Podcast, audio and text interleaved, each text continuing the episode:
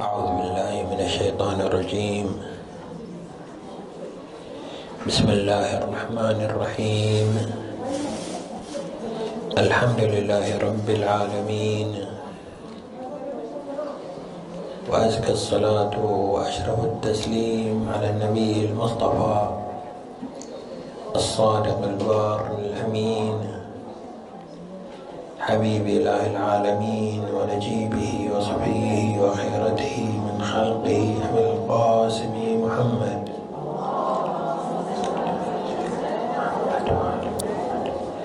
اللهم صل وسلم على محمد وآل محمد. اللهم صل وسلم على محمد وآل محمد وعلى آله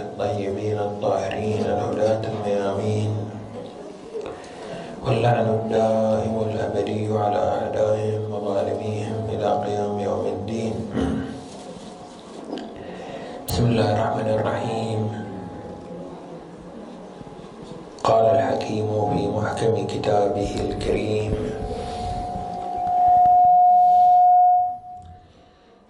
بسم الله الرحمن الرحيم. إن الذين آمنوا وعملوا الصالحات سيجعل لهم الرحمن ودا. صدق الله العلي العظيم.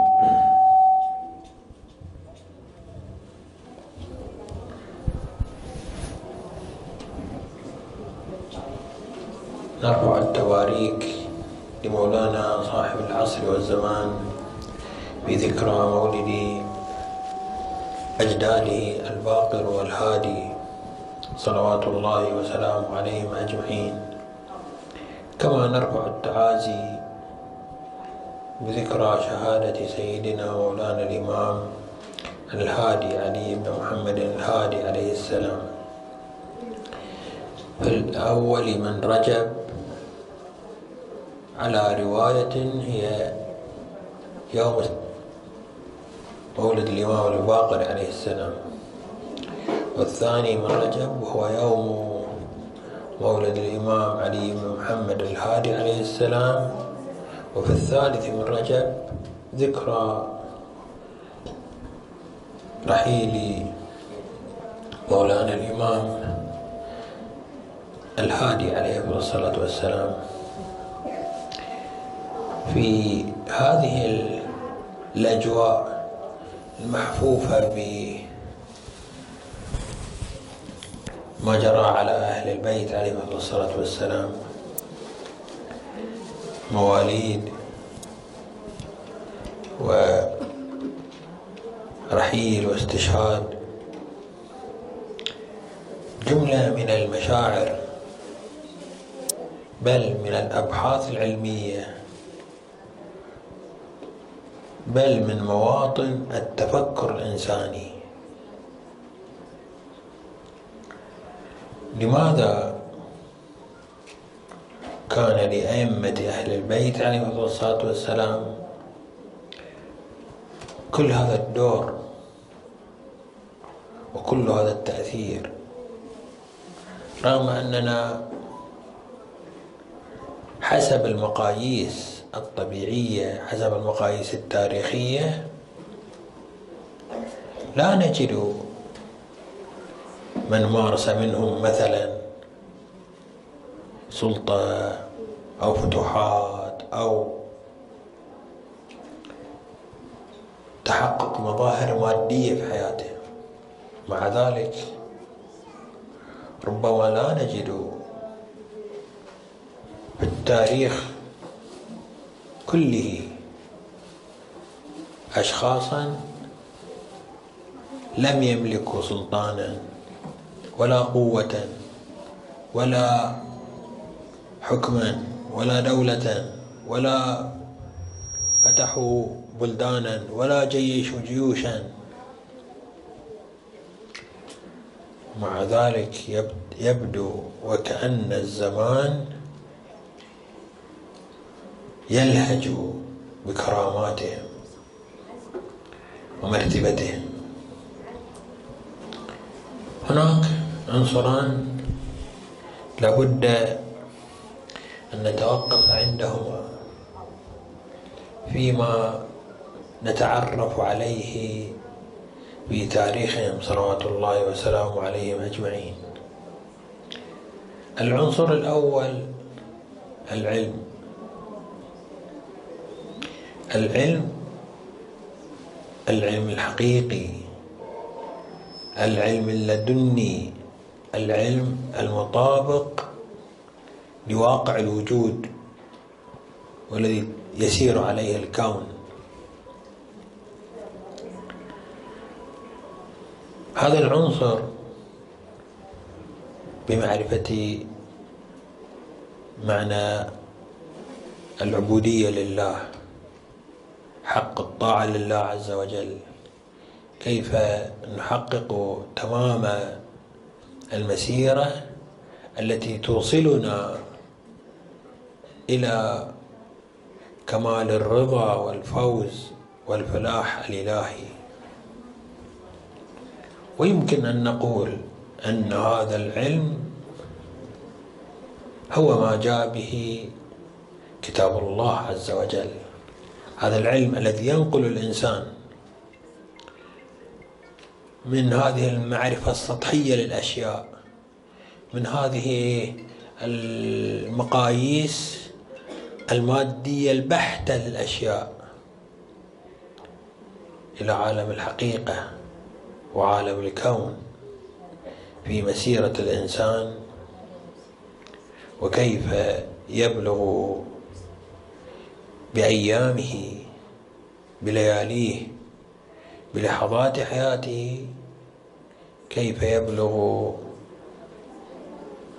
مقام الكمال الإنساني الكمال البشري. هذا عنصر أساسي لابد منه. العنصر الثاني هو الرحمة المودة الحب. كان هذا الأمر ظاهرا وجليا. في تاريخ أئمة أهل البيت عليهم الصلاة والسلام وفي سيرتهم كان الناس يدركون أنهم صلوات الله وسلامه عليهم أجمعين ليسوا معلمي معرفة لا تمس واقع حقيقة الإنسان. كثير من المعارف والمعرفة التي ينشغل بها الإنسان يكتسب منها معرفة ولكنها معرفة لا تمس حقيقة الإنسان.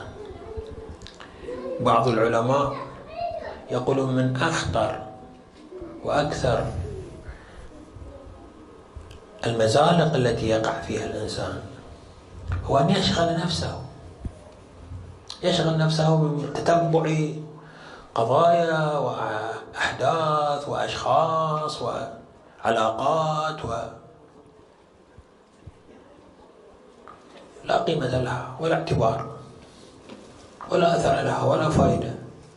ونحن لو نظرنا إلى ما نبذل من جهد من أجل المعرفة لوجدنا أن الأعم الأكثر منها هو من هذا النحو. نعرف أسماء وأشخاص وبلاد وشخصيات وأشكال وألوان من المأكولات وألوان من المشروبات وألوان من ال... وتركيباتها وآثارها ودون أن نتساءل ما هو أثر هذه المعرفة؟ ما هي فائدة هذه المعرفة؟ فلان الفلاني حدث له كذا وكذا. فلان ذلك الذي في ذلك البلد. الفريق الفلاني الممثلة الفلانية جمع جمع هذه المعلومات. سوف تجد بأنها جبال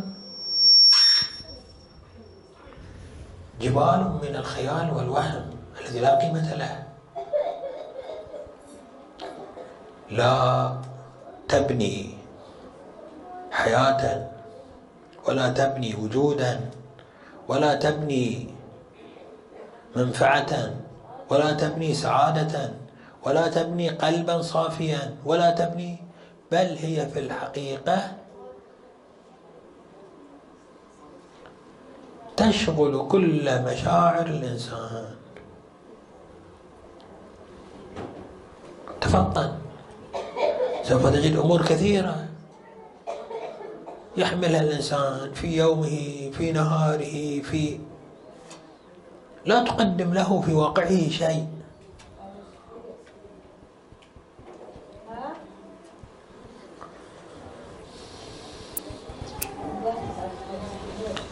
أما معارف أهل البيت عليهم أفضل الصلاة والسلام فهي معارف النور معارف الحقيقة يقول الإمام الباقر عليه الصلاة والسلام. نحن السراج لمن استضاء بنا ونحن السبيل لمن اقتدى بنا ونحن الهداة إلى الجنة. ونحن الجسور والقناطر. من مضى عليها لم يسبق ومن تخلف عنها محق. هذه المعرفة. إذا أردت أن تتمسك بمعرفة تجتاز بك عقبات النار. ومزالق الشياطين. فعليك بعلوم الإمام الباقر عليه السلام. جده المصطفى. وأجداده الطاهرين صلوات الله وسلامه عليهم أجمعين. ويقول الإمام الصادق عليه الصلاة والسلام كما روي عنهما كما في الأحاديث المروية عنهما. يقول الإمام الصادق عليه الصلاة والسلام بين رسول الله في سفر مع أصحابه إذ نزل فسجد سجدات. كان راكبا فتوقف ونزل وسجد سجدات. وقال بعض أصحابه يا رسول الله جعلت فداك صنعت شيئا لم تكن تصنعه من قبل. يعني هذا أول مرة نراك تنزل من الدابة وتسجد. وقال صلى الله عليه وآله أتاني جبرائيل وبشرني أن عليا في الجنة فسجدت. شكرا لله. ثم رفعت رأسي. فبشرني بأن فاطمة في الجنة فسجدت شكرا لله. ورفعت رأسي فبشرني أن الحسن والحسين صلوات الله وسلامه على رسوله وعلي وفاطمة وعليهم صلوات الله وسلامه عليهم أجمعين. أن الحسن والحسين في الجنة فسجدت شكرا. فرفعت رأسي وبشرني أن من يحبهم في الجنة. اللهم صل على محمد. فسجدت لله شكرا وبشرني أن من يحب من يحبهم في الجنة. اللهم صل على محمد وآل محمد. قد يكون الإنسان غير مدرك لأبعاد ودور ومقام رسول الله وآل بيته عليه الصلاة والسلام ولكن قلبه متعلق بهم. نحن نجهل كثير من حقائق مقاماتهم صلوات الله وسلامه عليهم أجمعين. ولكن هذه القلوب تنبض بمحبته.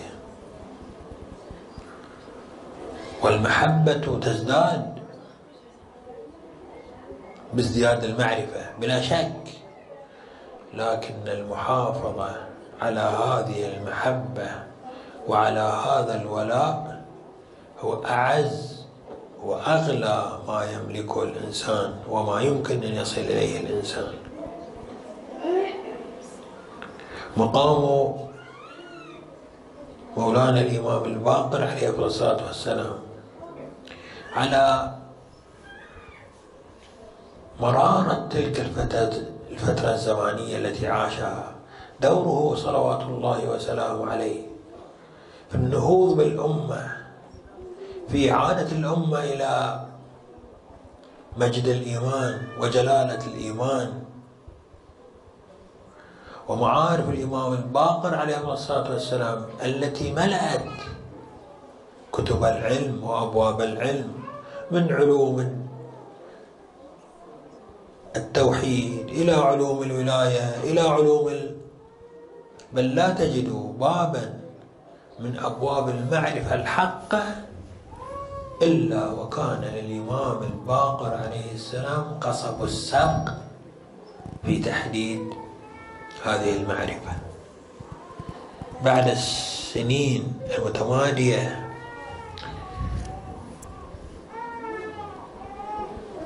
التي بذل فيها المنحرفون كل ما استطاعوا لمحو مدرسة رسول الله صلى الله عليه وآله لمحو ومحاربة من يحمل مدرسة رسول الله.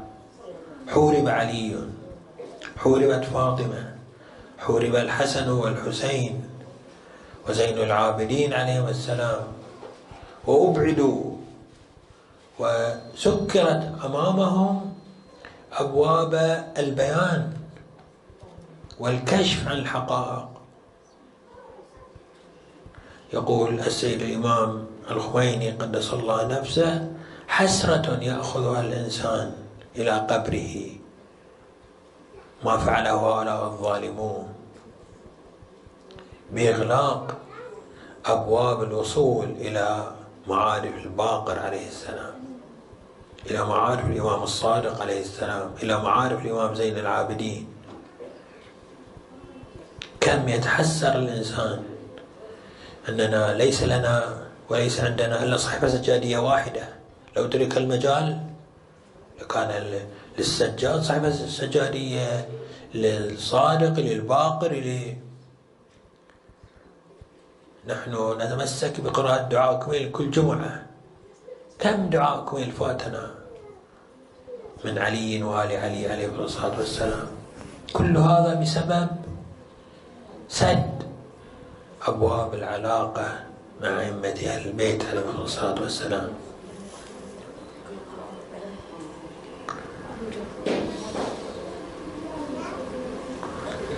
في الحديث أن قوما قالوا للإمام الباقر عليه السلام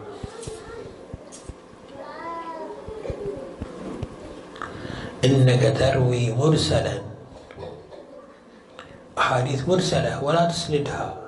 يعني مرسل بمعنى تقول قال رسول الله صلى الله عليه وآله قال أمير المؤمنين قال الله عز وجل لكن ما الذي قال لك الحديث المسند هو الذي أخبرني فلان عن فلان عن فلان عن أمير المؤمنين. أخبرني فلان عن فلان عن فلان عن رسول الله.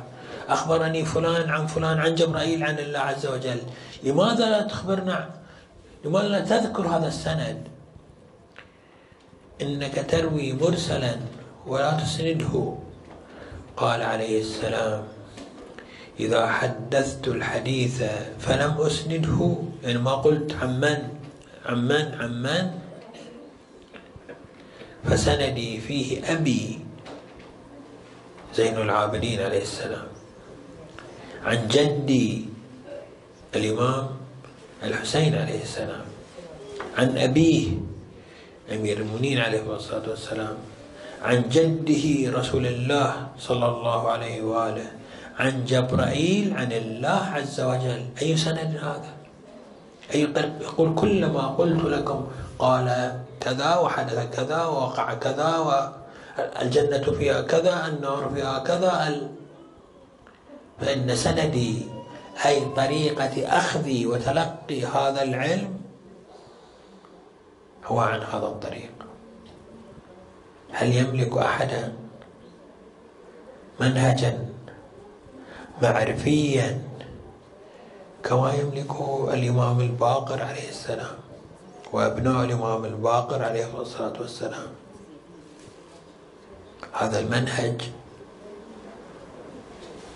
يستحق أن يبذل الإنسان دم قلبه للاستزادة منه. قراءة روايات أهل البيت عليهم الصلاة والسلام هي حذو قراءة القرآن الكريم. القرآن الكريم كتاب لا يأتيه الباطل من بين يديه ولا من خلفه وكلام الإمام الباقر كلام لا يأتيه الباطل من بين يديه ولا من خلفه. كلام الصادق لا يأتيه الباطل من بين يديه ولا من خلفه. كلام السجاد كلام أمير المؤمنين كلام الزهراء كلام الحسنين كلام الرضا صلوات الله وسلامه عليهم أجمعين لا يأتيه الباطل من بين يديه ومن خلفه. ليكن معك كتاب فيه أحاديث أهل البيت اقرأ منه في كل ليلة ولو حديثين ثلاثة حديث. بعض المربون المربين الأخلاقيين يقولون كتاب جهاد النفس. طبعا بالطبع الكتب تحتاج إلى نوع من التبصر في معرفة ما هي الكتب الأقرب صحة والأكثر سندا. ربما أحد هذه الكتب هو كتاب جهاد النفس من كتاب آه، الوسائل الذي ينقله الحر العاملي وكتب أخرى كثيرة عن رواية أهل البيت عليهم الصلاة والسلام. تمتلك من المتانة والرصانة والإطمئنان إلى صحتها. ما يجعل الإنسان يعتني ويهتم بقراءتها. كلام الإمام الهادي عليه الصلاة والسلام الذي منع الظلمة والمتجبرون حكمته أن تصل العالم معرفته أن تصل البشرية. وحبس عليه الصلاة والسلام ومنع في الإقامة الجبرية وحورب صلوات الله وسلامه عليه بكل الوسائل التي يمتلكها هؤلاء الظلمة نسأل الله عز وجل بجاههم صلوات الله وسلامه عليهم أجمعين. بحق هذه الليالي المباركة التي أضاءت بنورهم وذكرتنا بالأحزان التي مرت عليهم. هذه الليلة هي ليلة رحيل الإمام الهادي عليه الصلاة والسلام. فكما جمعت هذه الأيام أيام استذكار الفرح بموالدهم تذكرنا أيضا هذه الليالي وهذه الأوقات بالأحزان التي مرت على أئمة البيت عليهم الصلاة والسلام. نسأل الله بجاههم وبمقامهم وبعزتهم وبكرامتهم أن يصلي على النبي وآله وأن يعجل لمولانا صاحب العصر والزمان الفرج والنصر والعافية وأن يفرج عن إخواننا المؤمنين بفرج عاجل كلمح البصر أو هو أقرب وأن يجعل, وأن يجعل لنا ولكم جميعا أملا ونجاة بالفوز بشفاعتهم. والحمد لله رب العالمين وصلى الله على محمد وآله الطيبين الطاهرين.